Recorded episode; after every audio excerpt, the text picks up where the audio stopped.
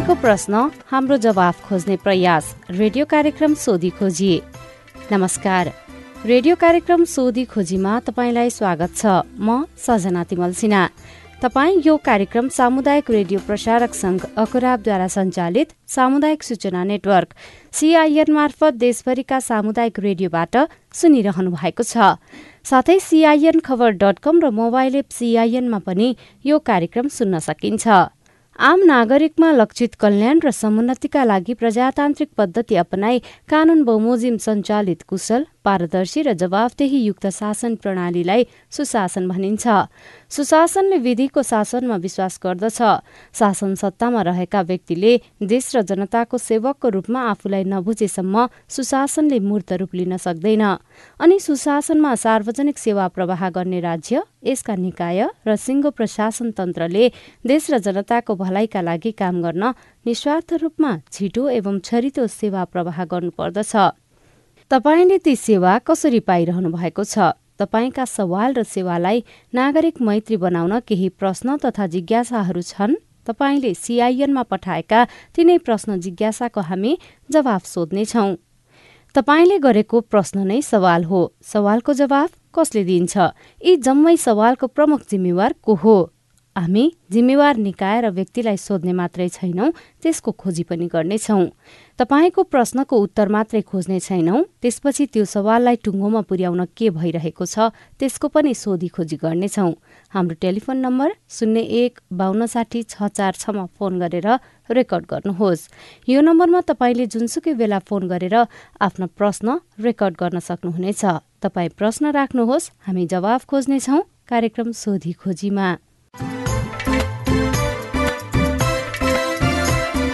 देश संघीयतामा गएपछि सात सय त्रिपन्नवटा स्थानीय सरकार छन्। सात प्रदेश सरकार र केन्द्रमा संघीय सरकार छ। संघ प्रदेश र स्थानीय सरकारबाट सम्पादन हुने काममा ढिलासुस्ती छ अनियमितता भएको छ नियम मिचेर कसैले काम गरेको छ भने तपाईँले ती गुनासा सिआइएनमा राख्न सक्नुहुनेछ। घर दैलोमा सरकार पुगेपछि नागरिकले प्रभावकारी सेवा पाउने र विकासको कामले प्राथमिकता पाउने आशा गरिएको थियो। के? नागरिकले त्यही आशा अनुसारको सेवा पाइरहेका छन्। छैनन् भने ती प्रश्न पनि तपाईँले राख्न सक्नुहुनेछ। आज हामीसँग स्वास्थ्य र शिक्षाका विषयमा आएका प्रश्न अनि ती प्रश्नको जवाफ छन्। सबैभन्दा पहिला स्वास्थ्यको प्रसङ्ग। सबै प्रश्नको जवाफ दिँदै हुनुहुन्छ स्वास्थ्य तथा जनसङ्ख्या मन्त्रालयका सहप्रवक्ता डाक्टर समीर कुमार अधिकारी। मेरो नाम चाहिँ कविता जोशी। म यहाँ बैतडी जिल्लाको डिला सैनिक गाउँपालिकाबाट बोल्दैछु। महिला स्वास्थ्य स्वयंसेविकालाई नहेरेकै हो कि हामी हेरिएकै हौ कि? हामीले गाउँबाट खबर नदिकन कुनै कुरा स्वास्थ्य संस्थासम्म पुग्न सक्दैन। स्वास्थ्य संस्थाले सबैलाई सेवा दिन सक्दैन। पहिलो प्राथमिकता हाम्रो छ तर हामीलाई नजरबन्द रूपमा राख्नु भएको किन म यो प्रश्न राख्न चाहन्छु। हस्त धन्यवाद। नेपालको स्वास्थ्य प्रणालीमा समुदायमा भएको समस्या पहिचान र स्वास्थ्य संस्थासम्म जोड्ने कुरा र स्वास्थ्य संस्थाले प्रदान गर्ने सेवा समुदायसम्म जोड्ने कुरालाई मध्यनजर गरेर यो महिला स्वयंसेविकाको अवधारणा आएको विशेष रूपमा नवजात शिशुहरूको मृत्युको कुरा मातृ मृत्युदरको कुराहरू एकदमै उच्च भएपछि आमा समूहहरूलाई लक्षित गरेर त्यही समूहबाट छनौट भएको व्यक्तिहरूले त्यो समुदायको कुरा सुन्न सक्नुहुन्छ।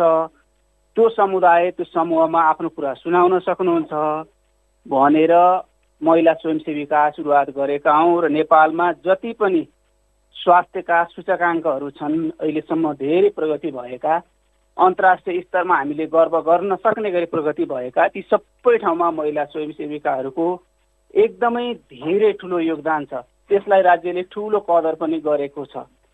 अब अहिले हामीले अब जे भन्नुभयो जुन प्रसङ्गको कुरा गर्नुभयो त्यो ठ्याक्कै त्यही प्रसङ्ग त हामीलाई थाहा भएन। अहिले धेरै हामी तिन तहको हिसाबले शासकीय प्रणालीमा छौँ। कुनै स्थानीय तहहरूमा त्यहाँको आफ्नो बाध्यात्मक अवस्था अथवा त्यहाँभित्र भएको कुनै अनुभवहरूलाई लिएर कुनै निर्णयहरू भएर थप केही नयाँ कुराहरू भएको भए त्यसमा त हामीले केही भन्न सक्ने कुरा भएन। तर समग्र सबैतिरबाट राज्यका तिनै तहका सरकारहरूबाट पाएका हामीले प्रतिक्रियाहरू सङ्घीय स्तरमा रहेको स्वास्थ्य मन्त्रालयले स्वास्थ्य सेवा प्रवाह गर्ने संस्थाहरू स्वास्थ्य सेवाका जनस्वास्थ्यका विभिन्न कार्यक्रम सञ्चालन गर्ने सन्दर्भहरू सबै ठाउँमा महिला स्वयंसेविकाहरूको भूमिका बढाउने महिला स्वयंसेविकाहरूलाई मोटिभेट गर्ने उत्प्रेरित गर्ने र काम गर्न सहजीकरण हुने हिसाबले काम गर्ने अवधारणा लिएर स्वास्थ्य मन्त्रालयले काम गरिरहेको छ अहिलेसम्मको अवस्था। त्यस्तो छ। तर यो अहिले जुन महिला स्वयंसेविकाले जुन गुनासो राख्नुभयो यसको प्रसङ्ग यसको पृष्ठभूमि कता के भन्ने मैले नबुझेको हुनाले त्यसमा मैले ठ्याक्कै उहाँकै विषयमा त मैले केही भन्न सकिनँ तर समग्र सबै महिला स्वयंसेविकाहरूले उच्च मनोबलका साथ काम गर्नु हुन कुनै पनि किसिमको त्यस्तो समस्याहरू भयो केही गर्नुपर्ने भयो भने आफ्नो स्थानीय रूपमा रहेको स्थानीय तहहरूसँग समन्वय गर्नुभयो भने त्यहाँ समुदायसँग समन्वय गर्नुभयो भने समुदाय स्तरबाट हामीले के गर्न सक्छौँ भन्ने समाधानहरू निकाल्दै जान सकिन्छ र अरू थप त्योभन्दा बढी रूपमा राज्यले लिने नीतिगत रूपमै लिनुपर्ने अवधारणाहरूका विषयमा केही छन् भने त्यस किसिमको पनि पृष्ठपोषणहरू चाहिँ सम्बन्धित स्वास्थ्य कार्यालयहरू मार्फत उपलब्ध गराइदिने गर्नुभयो भने सरकारले त्यसै अनुसार नीति परिवर्तन गर्दै लिएर जाने हुन्छ। अब यो महिला स्वयंसेविका स्वयंसेविका भनिएको हुनाले यो स्वयंसेविकाको हकमा चाहिँ हामीले अरू कर्मचारीहरू जस्तो एकदमै धेरै ठुलो हिसाबले भनौँ न तलबको कुरा होला भत्ताको कुरा होला सबै कुराहरूले गर्दाखेरि त्यसरी सोच्नु भएको हो भने त्यसरी गर्न चाहिँ अहिले राज्यको त्यो नीति छैन त्यसरी गर्न सक्ने अवस्था पनि भएन। किनभने विद्यमान कर्मचारीहरूबाट विद्यमान स्वास्थ्यमा रहेका जनशक्तिहरूबाट सबै कुराहरू प्रवाह गर्नलाई चुनौती छ भन्ने भएपछि समुदायबाटै स्वयंसेविकाहरू खोजेर त्यो स्वयंसेविकाहरूले समुदाय र स्वास्थ्य संस्था कर्मचारीहरू बिचको समन्वय गर्नुहुन्छ भन्ने हिसाबले काम गरिएको हो। यसमा सम्बन्धित स्वयंसेविकाहरूलाई कुनै काममा कटाउँदा कुनै उसमा अभियानमा लगाउँदा थप उच्च मनोबल हुन सक्ने उपायहरू गर्ने गरी थप विशेष व्यवस्थाहरू समय समयमा गर्ने गरिएको छ। नमस्ते म चाहिँ सरुरा जुम्लाबाट मेरो प्रश्न यस प्रकार रहेको छ। नेपालमा कलेजो प्रत्यारोपणको लागि कति खर्च लाग्छ र यस विषयमा निशुल्क प्रत्यारोपण अथवा विशेष सहुलियतको लागि सहुलियतको विषयमा कस्तो नीति नेपाल सरकारले अवलम्बन गरेको छ? नेपालमा अङ्ग प्रत्यारोपण सम्बन्धी कानुनी व्यवस्था छ। अङ्ग प्रत्यारोपण गर्नका लागि सरकारले कानुन बनाएर आवश्यक कार्यान्वयन गरिरहेको छ। कलेज प्रत्यारोपणका सन्दर्भमा पनि केही संस्थाहरूबाट सुरुवाती कामहरू अगाडि बढाइएको छ। अब सरकारले यो नि शुल्क गर्ने गरी त अहिले काम अगाडि बढाएको छैन। र कलेज प्रत्यारोपण नि शुल्क गर्ने सन्दर्भमा सरकारले तत्कालै कुनै त्यस्तो सोच अथवा कार्ययोजना बनाइसकेको छैन। सेवा लिनुपर्ने व्यक्तिहरूलाई सेवा उपलब्ध गराउने खालको व्यवस्था गर्ने गरी सरकारले आवश्यक समन्वयहरू र सम्बन्धित संस्थाहरू सम्बन्धित अस्पतालहरू शिक्षण अस्पतालहरूले आवश्यक प्रक्रियाहरू चाहिँ अगाडि बढाउनु भएको छ सुरुवात गर्न खोज्नु भएको छ। कति जति पर्ला एकजनाको कलेजो प्रत्यारोपण गर्दा टेन्टेटिभ भन्ने त्यस्तो केही छ? कति जति पर्छ भन्ने कुरा चाहिँ सामान्यत त्यसरी ठ्याक्कै भन्न सकिने हुँदैन। अब कहाँ प्रत्यारोपण गरिन्छ कस्तो अवस्था गरिन्छ सम्बन्धित व्यक्तिको स्वास्थ्य अवस्था के छ सबै कुराहरूलाई मध्यनजर गरेर मात्रै खर्चको विषय भन्न सकिन्छ। अवश्य पनि निकै महँगो अङ्ग प्रत्यारोपण गर्ने विषय भनेको महँगो विधि हो महँगो हुन्छ खर्चको हिसाबले। नमस्कार मेरो नाम राम पाण्डे लमजुङबाट बोल्दैछु। यो मेरो प्रश्न जस्तो छ कोरोना यो ओमिक्रोन भाइरसको चाहिँ नयाँ उप प्रजाति पनि भेटिएको छ भन्ने सुनेको छु। यो कतिको सही हो? अनि यो चाहिँ यो ओमिक्रोनको यो उप प्रजाति चाहिँ पहिलाको भन्दा पनि अझै खतरनाक छ। भन्ने पनि सुनेको छु कति यसको यसको जानकारी गराइदिनु होइन? गर्ने चाहन्छु। धन्यवाद। कोभिडको जुन भाइरस छ जुन भाइरसले कोभिड सङ्क्रमणबाट गराउँछ त्यो भाइरस चाहिँ आफ्नो स्वरूप परिवर्तन गर्न सक्ने क्षमता भएको हुनाले सुरुमा देखिएको भेरिएन्टभन्दा भेरिएन्टहरू परिवर्तन हुँदै फरक फरक भेरिएन्टको सङ्क्रमणहरू हामीले भोगेका बिहोरेका छौँ। र अहिले पछिल्लो समय विश्वमा धेरै देशहरूमा फैलिराखेको रहेको जुन ओमिक्रोन भेरिएन्ट छ त्यो ओमिक्रोन भेरिएन्टका पनि अरू प्रजातिहरू अरू थप पुष्टि भएका हामीले देखेका छौँ। नेपालमै पनि योभन्दा अगाडि हामीले थप अरू भेरिएन्ट भनौँ ओमिक्रोनको अरू प्रजातिहरू अरू थप पुष्टि भएको कुराहरू हामीले सार्वजनिक गरिरहेका थियौँ भने अहिले पछिल्लो समय भर्खरै मात्रै पनि दुईवटा नमुनामा हामी कहाँ पहिले नदेखिएको भेरिएन्ट ओमिक्रोन भेरिएन्टकै नदेखिएको प्रजाति चाहिँ थप पुष्टि भएको छ।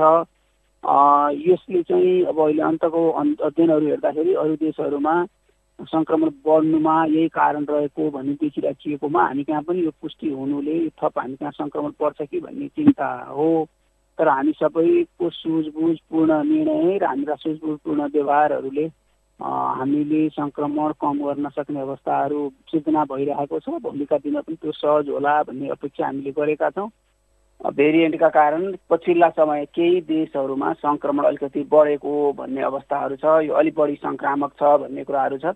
यस्तोमा हामीले चाडपर्व अहिले हामी जुन चाडपर्वहरूको मुखमा छौँ हामी कहाँ विभिन्न धर्म संस्कृति अनुसार विभिन्न किसिमका चाडपर्वहरू हामी एकदमै ठुलो चाडपर्वहरूको बिचबाट गुज्रिरहेका छौँ। तिहार छठ नेपाल सम्बत लगायतका हाम्रा विभिन्न आफ्नो स्थानीय सम्प्रदाय अनुसार हाम्रो आफ्नो संस्कृति अनुसार हामीले विभिन्न चाडपर्व मनाइरहेका छौँ। यी सबै चाडपर्वमा हाम्रो जमघट हुन्छ भेटघाट हुन्छ यस्तोमा चाहिँ यस किसिमको भेरिएन्ट भएका सङ्क्रमण भएका व्यक्तिहरूबाट अरू व्यक्तिमा थप सङ्क्रमण नफैलियोस् आफूमा पनि सङ्क्रमण छ भने अरूमा नजाओस् भन्नेतर्फ चाहिँ हामीले विशेष सावधानी अप्नाउनु पर्ने हुन्छ विशेष ख्याल गर्नुपर्ने हुन्छ र अर्को बुस्टर डोज खोप लगाउन बाँकी व्यक्तिहरू हुनुहुन्छ भने पनि उहाँहरूले समयमा बुस्टर डोज लगाउने समय भइसकेको छ भने समयमा लगाउनु हुन अनुरोध गर्छौँ जनस्वास्थ्यका मापदण्डहरूको पालना गरेर स्वास्थ्यको विशेष ख्याल गरेर चाडपर्वहरू मनाउन सबैमा अनुरोध गर्दछौँ। ओमिक्रोनको अर्को प्रजाति नफैलियोस् भनेर मन्त्रालयले के काम गरिरहेको छ? हामी कहाँ ओमिक्रोनकै सङ्क्रमण पहिले हामी कहाँ पुष्टि भएकै भेरिएन्टको सङ्क्रमण पनि शून्य त भइसकेको अवस्था थिएन तर निकै तुलनात्मक रूपमा निकै कम भएको अवस्था हो। तर नयाँ भेरिएन्ट देखिन सक्छ भनेर चनाखो रहनु पर्ने हिसाबले जुन चनाखो कम पहिलेदेखि अप्नाइराखिएको थियो त्यसले गर्दा निगरानी प्रणालीलाई चुस्त दुरुस्त बनाउने गरी सरकारले काम गरेर जुन व्यवस्था बनाएको छ त्यो व्यवस्था अनुसार नै नयाँ भेरिएन्ट पुष्टि भएको थाहा पाइएको हो। थप अरू कहीँ कुनै ठाउँहरूमा सङ्क्रमणको अवस्था के कसरी जान्छ अथवा गइरहेको छ भन्ने कुराहरू पनि नजिकबाट निगरानी गर्ने प्रणालीहरू बनाइएको छ। अरू थप सन्दर्भमा कुरा गर्दा कुनै ठाउँमा सङ्क्रमण फैलिने अवस्था देखियो अथवा फैलिन सक्ने सम्भावनाहरू देखिए त्यसका लक्षणहरू देखिए भने त्यसलाई चाँडो थाहा पाउने त्यसअनुसार सम्बन्धित निकायहरूसँग उहाँहरूसँग बसेर सहकारी गरेर भिडभाड कम गर्ने उपाय जनस्वास्थ्यका मापदण्डका कुराहरू लगायत जोखिमहरू कम गर्ने उपायहरू के गर्न सकिन्छ त्यस अनुसार गर्ने गरी स्वास्थ्य मन्त्रालयसँग आफ्नो विषयको विज्ञताका हिसाबले कामहरू गर्ने प्रणालीहरू त्यसका योजनाहरू बनाएर अगाडि बढिएको छ। अहिले नै त्यस्तो अवस्था देखिसकिएको अवस्था त छैन तर सङ्क्रमण फैलिँदै जाने अवस्था चाहिँ यहाँ हुन थाल्यो भने त्यसका लागि थप पहल कदमीहरू लिँदै जानुपर्ने हुन्छ। तिहारमा दिदीबहिनीले धेरै खानेकुरा दिनुभएको छ। त्यसलाई कसरी खान सकिन्छ भनेर ललितपुरबाट भीम दाहालले सोध्नु भएको छ। एकैचोटि खाने भन्दा पनि तिहारमा जम्मा गरेका मरमसलाहरू खाद्यान्नहरू अलि लामो समय राख्न सकिने कुराहरू अलिक लामो समय राखेर बिस्तारै बिस्तारै खाने गरी गर्न सकियो भने शरीरलाई चाहिने पोषण पनि लामो समयसम्म रहन्छ तत्काल धेर खाएर स्वास्थ्यलाई पर्ने असरहरू पनि कम गर्न सकिन्छ जुन खाद्यान्नहरू लामो समय राख्न सकिँदैन। त्यस्ता खाद्यान्नहरू चाहिँ सकेसम्म कम प्रयोग गर्ने थोरै केही दिन जति प्रयोग गर्न सकिन्छ त्यही मात्रै प्रयोग गर्ने बासी सडे गलेका अथवा अखाद्य पदार्थहरू मिसाइएका खाद्य रङहरू मिसाइएका त्यस्ता खाद्य खानेकुराहरू चाहिँ प्रयोग नगर्ने गरी सबैले आफ्नो ठाउँबाट आफूले व्यक्तिगत रूपमा परिवारमा व्यापार व्यवसायमा संलग्न सबै व्यक्तिहरूले विशेष ध्यान दिनुपर्ने हुन्छ। डोटीबाट लक्ष्मण महरा प्रश्न गर्नुहुन्छ काठमाडौँमा विदेश जाँदा चाहिने कोरोना विरुद्धको खोपको क्युआर कोड बनाउनको लागि दुई हजारदेखि पच्चिस सयसम्म लिन्छन्। आफ्नै गाउँपालिकाबाट बनाएर ल्याएको कोभिडसिल्ड र भेरोसेल लगाएको क्युआर कोड भने चल्दैन रे। अनि जसरी पनि जोन्सन एन्ड जोन्सनको खोप लगाएको क्युआर कोड चाहियो भन्छन्। यसरी बनाएको क्युआर कोड कतिको भरपर्दो हुन्छ?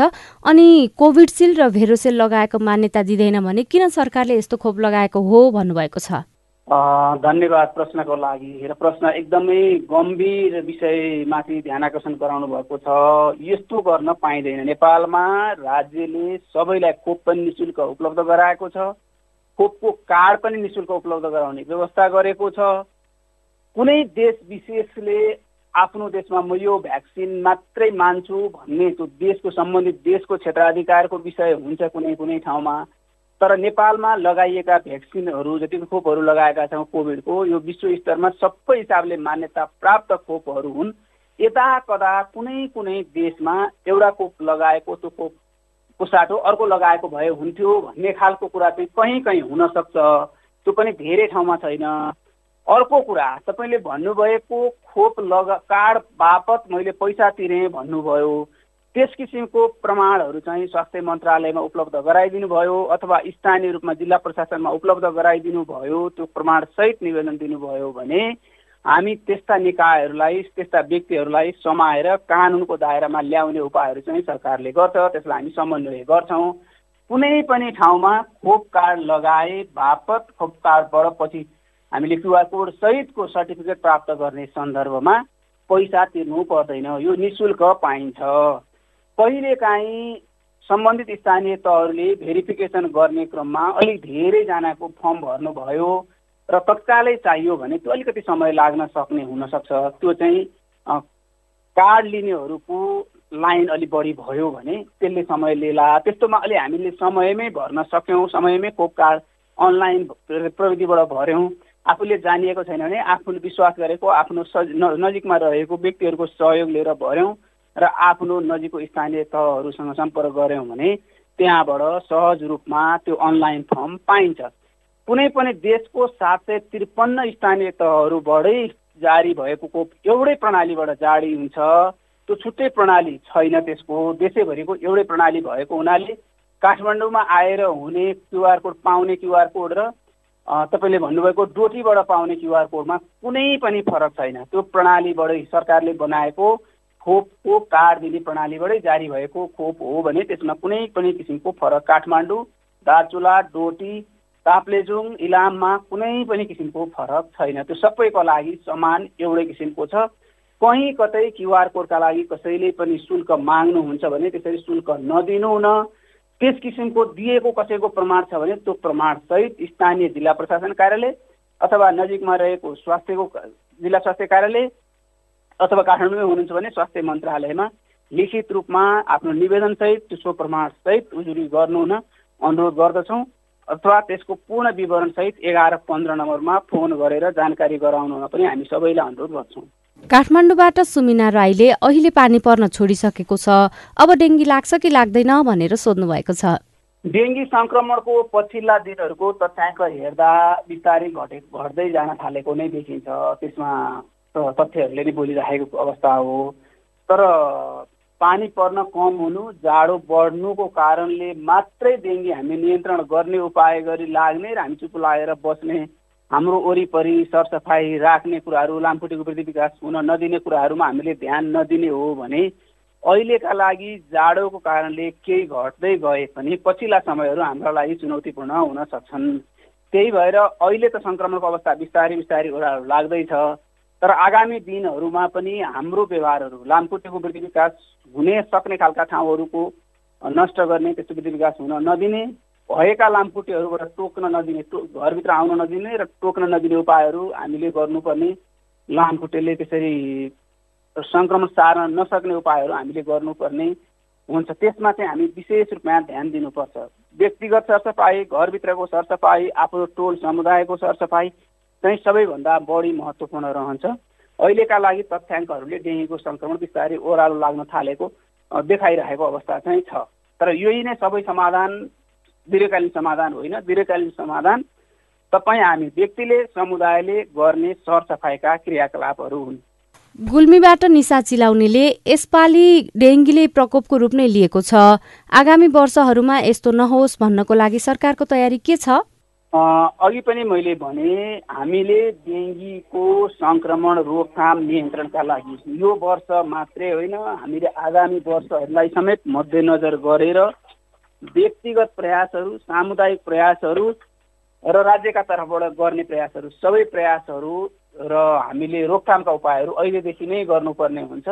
यसका लागि स्वास्थ्य मन्त्रालय र स्वास्थ्यका सम्बन्धित निकायहरूले सरसफाइसँग जोडिने र व्यक्तिको व्यवहार परिवर्तनलाई महत्त्वपूर्ण योगदान गर्न सक्ने व्यक्ति निकाय संस्था समुदाय समूह सबैसँग सहकार्य गर्ने बुझाउने सबैसँग सहकार्य गरे गरी सहयोगमा काम गर्ने कुराहरूमा लागि छ। दीर्घकालीन योजना बनाएरै काम गर्नुपर्छ। यसमा एउटा निकायले मात्रै एउटा तह अथवा एउटा व्यक्ति अथवा एउटा निकायले मात्रै समाधान गर्न सक्छ भन्ने कुरा हुन्न। यो फेरि स्वास्थ्य संस्था अथवा स्वास्थ्य कर्मीको प्रयासले मात्रै सम्भव छ भन्ने कुरा पनि होइन भन्ने कुराहरू चाहिँ बुझाउने र सबैलाई एकै ठाउँमा ल्याउने र दीर्घकालीन सरसफाइका योजनाहरू बनाउन लामखुट्टेका वृद्धि विकासका कुराहरूलाई कसरी व्यवस्थित गर्न सकिन्छ भन्ने कुराहरूका लागि सहकार्य गर्ने गरी स्वास्थ्य मन्त्रालय र सम्बन्धित निकायहरू एकै ठाउँ बसेर उपायहरू खोज्ने दीर्घकालीन उपायहरू बनाउने अल्पकालीन र मध्यकालीन उपायहरूमा काम उहाँ हुनुहुन्थ्यो स्वास्थ्य तथा जनसङ्ख्या मन्त्रालयका सहप्रवक्ता डाक्टर समीर कुमार अधिकारी। स्वास्थ्यसँग सम्बन्धित प्रश्नहरूको जवाफ दिँदै। तपाईँ अहिले कार्यक्रम सोधी खोजी सुनिरहनु भएको छ। यो कार्यक्रम सामुदायिक रेडियो प्रसारक संघ अखुराबद्वारा सञ्चालित सामुदायिक सूचना नेटवर्क सीआईएन मार्फत देशभरिका सामुदायिक रेडियोसँगै सीआईएन खबर डट कम र मोबाइल एप सीआईएनमा पनि सुन्न सकिन्छ। कार्यक्रममा हामी तपाईँको प्रश्न लिन्छौं अनि ती प्रश्नको जवाफ सम्बन्धित निकायलाई सोध्छौं। तपाईँ पनि कार्यक्रममा सहभागी हुन सक्नुहुनेछ। त्यसको लागि तपाईँले हामीलाई शून्य एक बान्न साठी छ चार छमा फोन गरेर आफ्नो प्रश्न रेकर्ड गर्न सक्नुहुनेछ। यो नम्बरमा तपाईँले जुनसुकै बेला फोन गरेर आफ्नो प्रश्न जिज्ञासा गुनासा अनि समस्या तथा प्रतिक्रिया रेकर्ड गर्न सक्नुहुनेछ। केही बेर अघि हामीले स्वास्थ्यसँग सम्बन्धित प्रश्नको जवाफ लियौं। स्वास्थ्य तथा जनसङ्ख्या मन्त्रालयका सहप्रवक्ता डाक्टर समीर कुमार अधिकारीबाट। अब शिक्षाको कुरा। कक्षा दससँग सम्बन्धित प्रश्नको जवाफ दिँदै हुनुहुन्छ राष्ट्रिय परीक्षा बोर्ड अन्तर्गत कक्षा दसको परीक्षा उपनियन्त्रक भक्त गोदार। नमस्कार म अछामबाट अर्जुन भण्डारी। मैले भर्खरै भाद्र एघार गते ग्रेट वृद्धिको लागि अङ्ग्रेजी विषयको परीक्षा दिएको थिएँ र यसमा सी मात्र आएको छ र मैले पहिले स्वास्थ्य जनसङ्ख्यामा पनि परा पराटिकल्स जोडिएको छैन। यो किन पराटिकल्स जोडेको छैन? यसोको लागि कहाँ के गर्नुपर्छ र के सामग्री चाहिन्छ? धन्यवाद। यहाँले गर्नुभएको क्वेसन धेरै विद्यार्थीको त्यस्तो समस्या आएको छैन अहिलेसम्म। यो तपाईँले पहिलो समस्या सुनाउनु भयो प्र्याक्टिकल अङ्क नजोडिने भन्ने हुँदैन। त्यहाँ कि चाहिँ पहिले नै उताबाट प्र्याक्टिकल अङ्क नआएको हुनु पऱ्यो आएको भए जोडिनु पर्ने हो। त्यही पनि यहाँले एउटा निवेदन त्यहाँबाट हाम्रो मेल गरिदिनु भयो भने पनि हामी त्यो हेरिदिने व्यवस्था गर्छौँ। अथवा कसै मार्फत यहाँ निवेदन पठाउनु भयो भने पनि त्यो हामीले हेरेर के रहेछ क्लियर गरिदिन्छौँ। इमेल गर्दाखेरि कुन आइडीमा गर्नुपर्ने त्यो पनि हाम्रो grade one zero ten at the rate gmail dot com यसमा निवेदन पठाउनु पर्यो। यसमा निवेदन आयो भने हामी नमस्ते मेरो नाम खड्गबहादुर विश्वकर्मा। कालीकोट थाना चक्र नगरपालिका एघारबाट सतसठी सालको एसएलसी हो अठसट्ठी सालको पास आउट हो सर्टिफिकेटमा मार्कसिट सर्टिफिकेटमा कन्ट्रोलमा मेरो सिग्नेचर छैन छुटेर आएको सर। त्यसको लागि मैले के गर्नुपर्ने होला? त्यो जवाब पाऊँ कि? यहाँले त्यो सिग्नेचर नभएको ग्रेड सिट अथवा मार्कसिट र प्रमाणपत्र यहाँ फिर्ता गर्नुभयो भने त्यसलाई हामीले नयाँ बनाएर दिने व्यवस्था गर्छौँ। नमस्कार म चाहिँ आलिताल गाउँपालिका चारदेखि मुकेश कामी। मेरो प्रश्न एक प्रकार रहेको छ।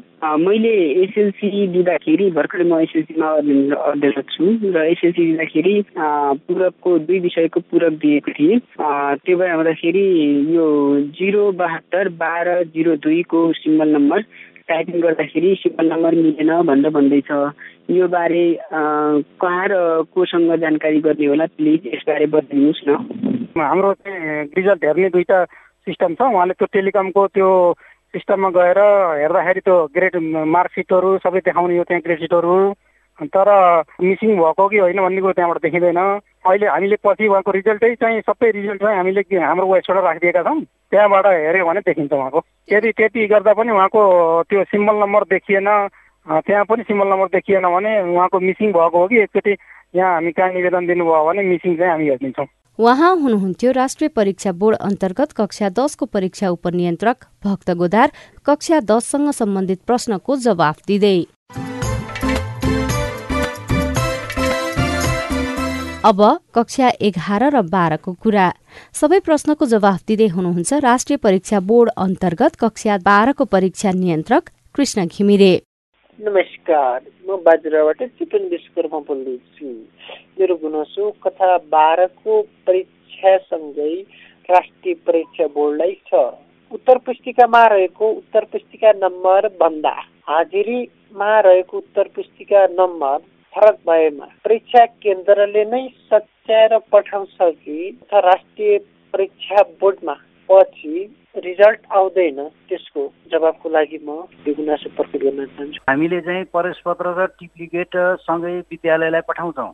जुन नम्बर इन्ट्री भइसकेपछि प्रवेश पत्रमा नम्बर हानिसकेपछि त्यो प्रवेश पत्रमा नम्बर हान्ने काम मेनुअल्ली हुन्छ। त्यही भएर हामीले विद्यालयलाई के भन्छौँ भने यो टिप्लिकेट अनुसार नम्बर सिम्बल नम्बर कायम गर्नु र विद्यार्थीको प्रवेश पत्र अनुसार विषय कायम गर्नु भनेर हामीले चाहिँ विद्यालयलाई भन्छौँ। र त्यो विद्यालयले हेरेर समयमै ल्याएर त्यो परीक्षा हुनुभन्दा अगाडि अथवा परीक्षा सम्पन्न भएको एक महिनाभित्र हाम्रा कार्यालयमा ल्याएर त्यो सच्यायो भने विद्यार्थीहरूको रिजल्ट आउँछ। होइन विद्यार्थी विद्यालयले त्यो नेग्लिजेन्सी गर्यो त्यो थन्काएर राख्यो भनेदेखि विद्यार्थीको अनुपस्थित भनेर आउँछ। रिजल्ट पछि फेरि प्रोसेस पुरा गरेर रिजल्ट निकाल्नु पर्ने उहाँको नतिजा चाहिँ आउँछ कि आउँदैन अब त्यसो भए? आउँछ उहाँको नतिजा आउँछ उहाँको प्रवेश पत्र हाजिरी त्यो लिएर गएर हाम्रो सम्बन्धित कार्यालयमा गएर बुझायो भने उहाँको नतिजा आउँछ। नमस्ते म सुरज केसी दैलेखबाट। मेरो कक्षा एघार बाह्रको प्रमाणपत्रहरू गाडीको यात्रामा हराएको थियो। मैले प्रमाणपत्रहरू फेरि पाउनको लागि के प्रक्रिया गर्नु पर्ला पाउँछु कि पाउँदैन यसको जिज्ञासाको लागि आभारी छु। अब यो प्रतिलिपि पाइन्छ उहाँले जहाँ के अरे बाटो पहिला निकाल्नु भएको थियो जुन कार्यालयमा त्यही कार्यालयमा गएर अथवा यहाँ सानो ठिमी आएर प्रतिलिपि निकाल्न सक्नुहुन्छ। त्यसको लागि उहाँले के गर्न पर्छ उहाँले दस्तुर तिर्नु पर्यो अनि त्यो सिम्बल नम्बर त उहाँलाई रजिस्ट्रेसन नम्बर र सिम्बल नम्बर उहाँलाई थाहा छ होला। त्यो लिएर आएर उहाँले पहिला कहाँ निकाल्नु भएको थियो? अथवा त्यहाँ यहाँ उहाँलाई पाएको काठमाडौँ सानो ठिमीमा पर्छ भने यहाँ आएर पनि झिक्न सक्नुहुन्छ। उहाँ हुनुहुन्थ्यो राष्ट्रिय परीक्षा बोर्ड अन्तर्गत कक्षा बाह्रको परीक्षा नियन्त्रक कृष्ण घिमिरे। तपाईँका प्रश्नहरूको जवाफ खोज्दा खोज्दै रेडियो कार्यक्रम सोधी खोजीको आजको अङ्कबाट विदा माग्ने बेला भएको छ। तपाईँलाई यो कार्यक्रम कस्तो लाग्यो? नागरिकले प्राप्त गर्ने सेवा र विकास निर्माणको कामलाई गुणस्तरीय र प्रभावकारी बनाउन के गर्नु पर्ला तपाईँका केही सुझाव र टिप्पणी छन् भने हाम्रो टेलिफोन नम्बर शून्य एक बान्न साठी छ चार छमा फोन गरेर रेकर्ड गर्नुहोस्। यो नम्बरमा तपाईँले जुनसुकै बेला फोन गरेर आफ्नो प्रश्न रेकर्ड गर्न सक्नुहुनेछ। तपाईँ प्रश्न राख्नुहोस् हामी जवाफ खोज्नेछौ कार्यक्रम सोधी खोजीमा। यो कार्यक्रमलाई थप प्रभावकारी बनाउन तपाईँको सुझाव महत्वपूर्ण रहनेछ। हेलो सिआइएनमा हरेक दिन र रेडियो कार्यक्रम मार्फत अर्को हप्ता तपाईँका प्रश्नको जवाफ खोज्दै आइपुग्नेछौ। आजका लागि प्राविधिक साथी सुभाष पन्तलाई धन्यवाद। अहिलेको रेडियो कार्यक्रम सोधी खोजीबाट सजना तिमल सिना विदा हुन्छु। प्रश्न सोध्न अप्ठ्यारो नमानौ। नमस्कार।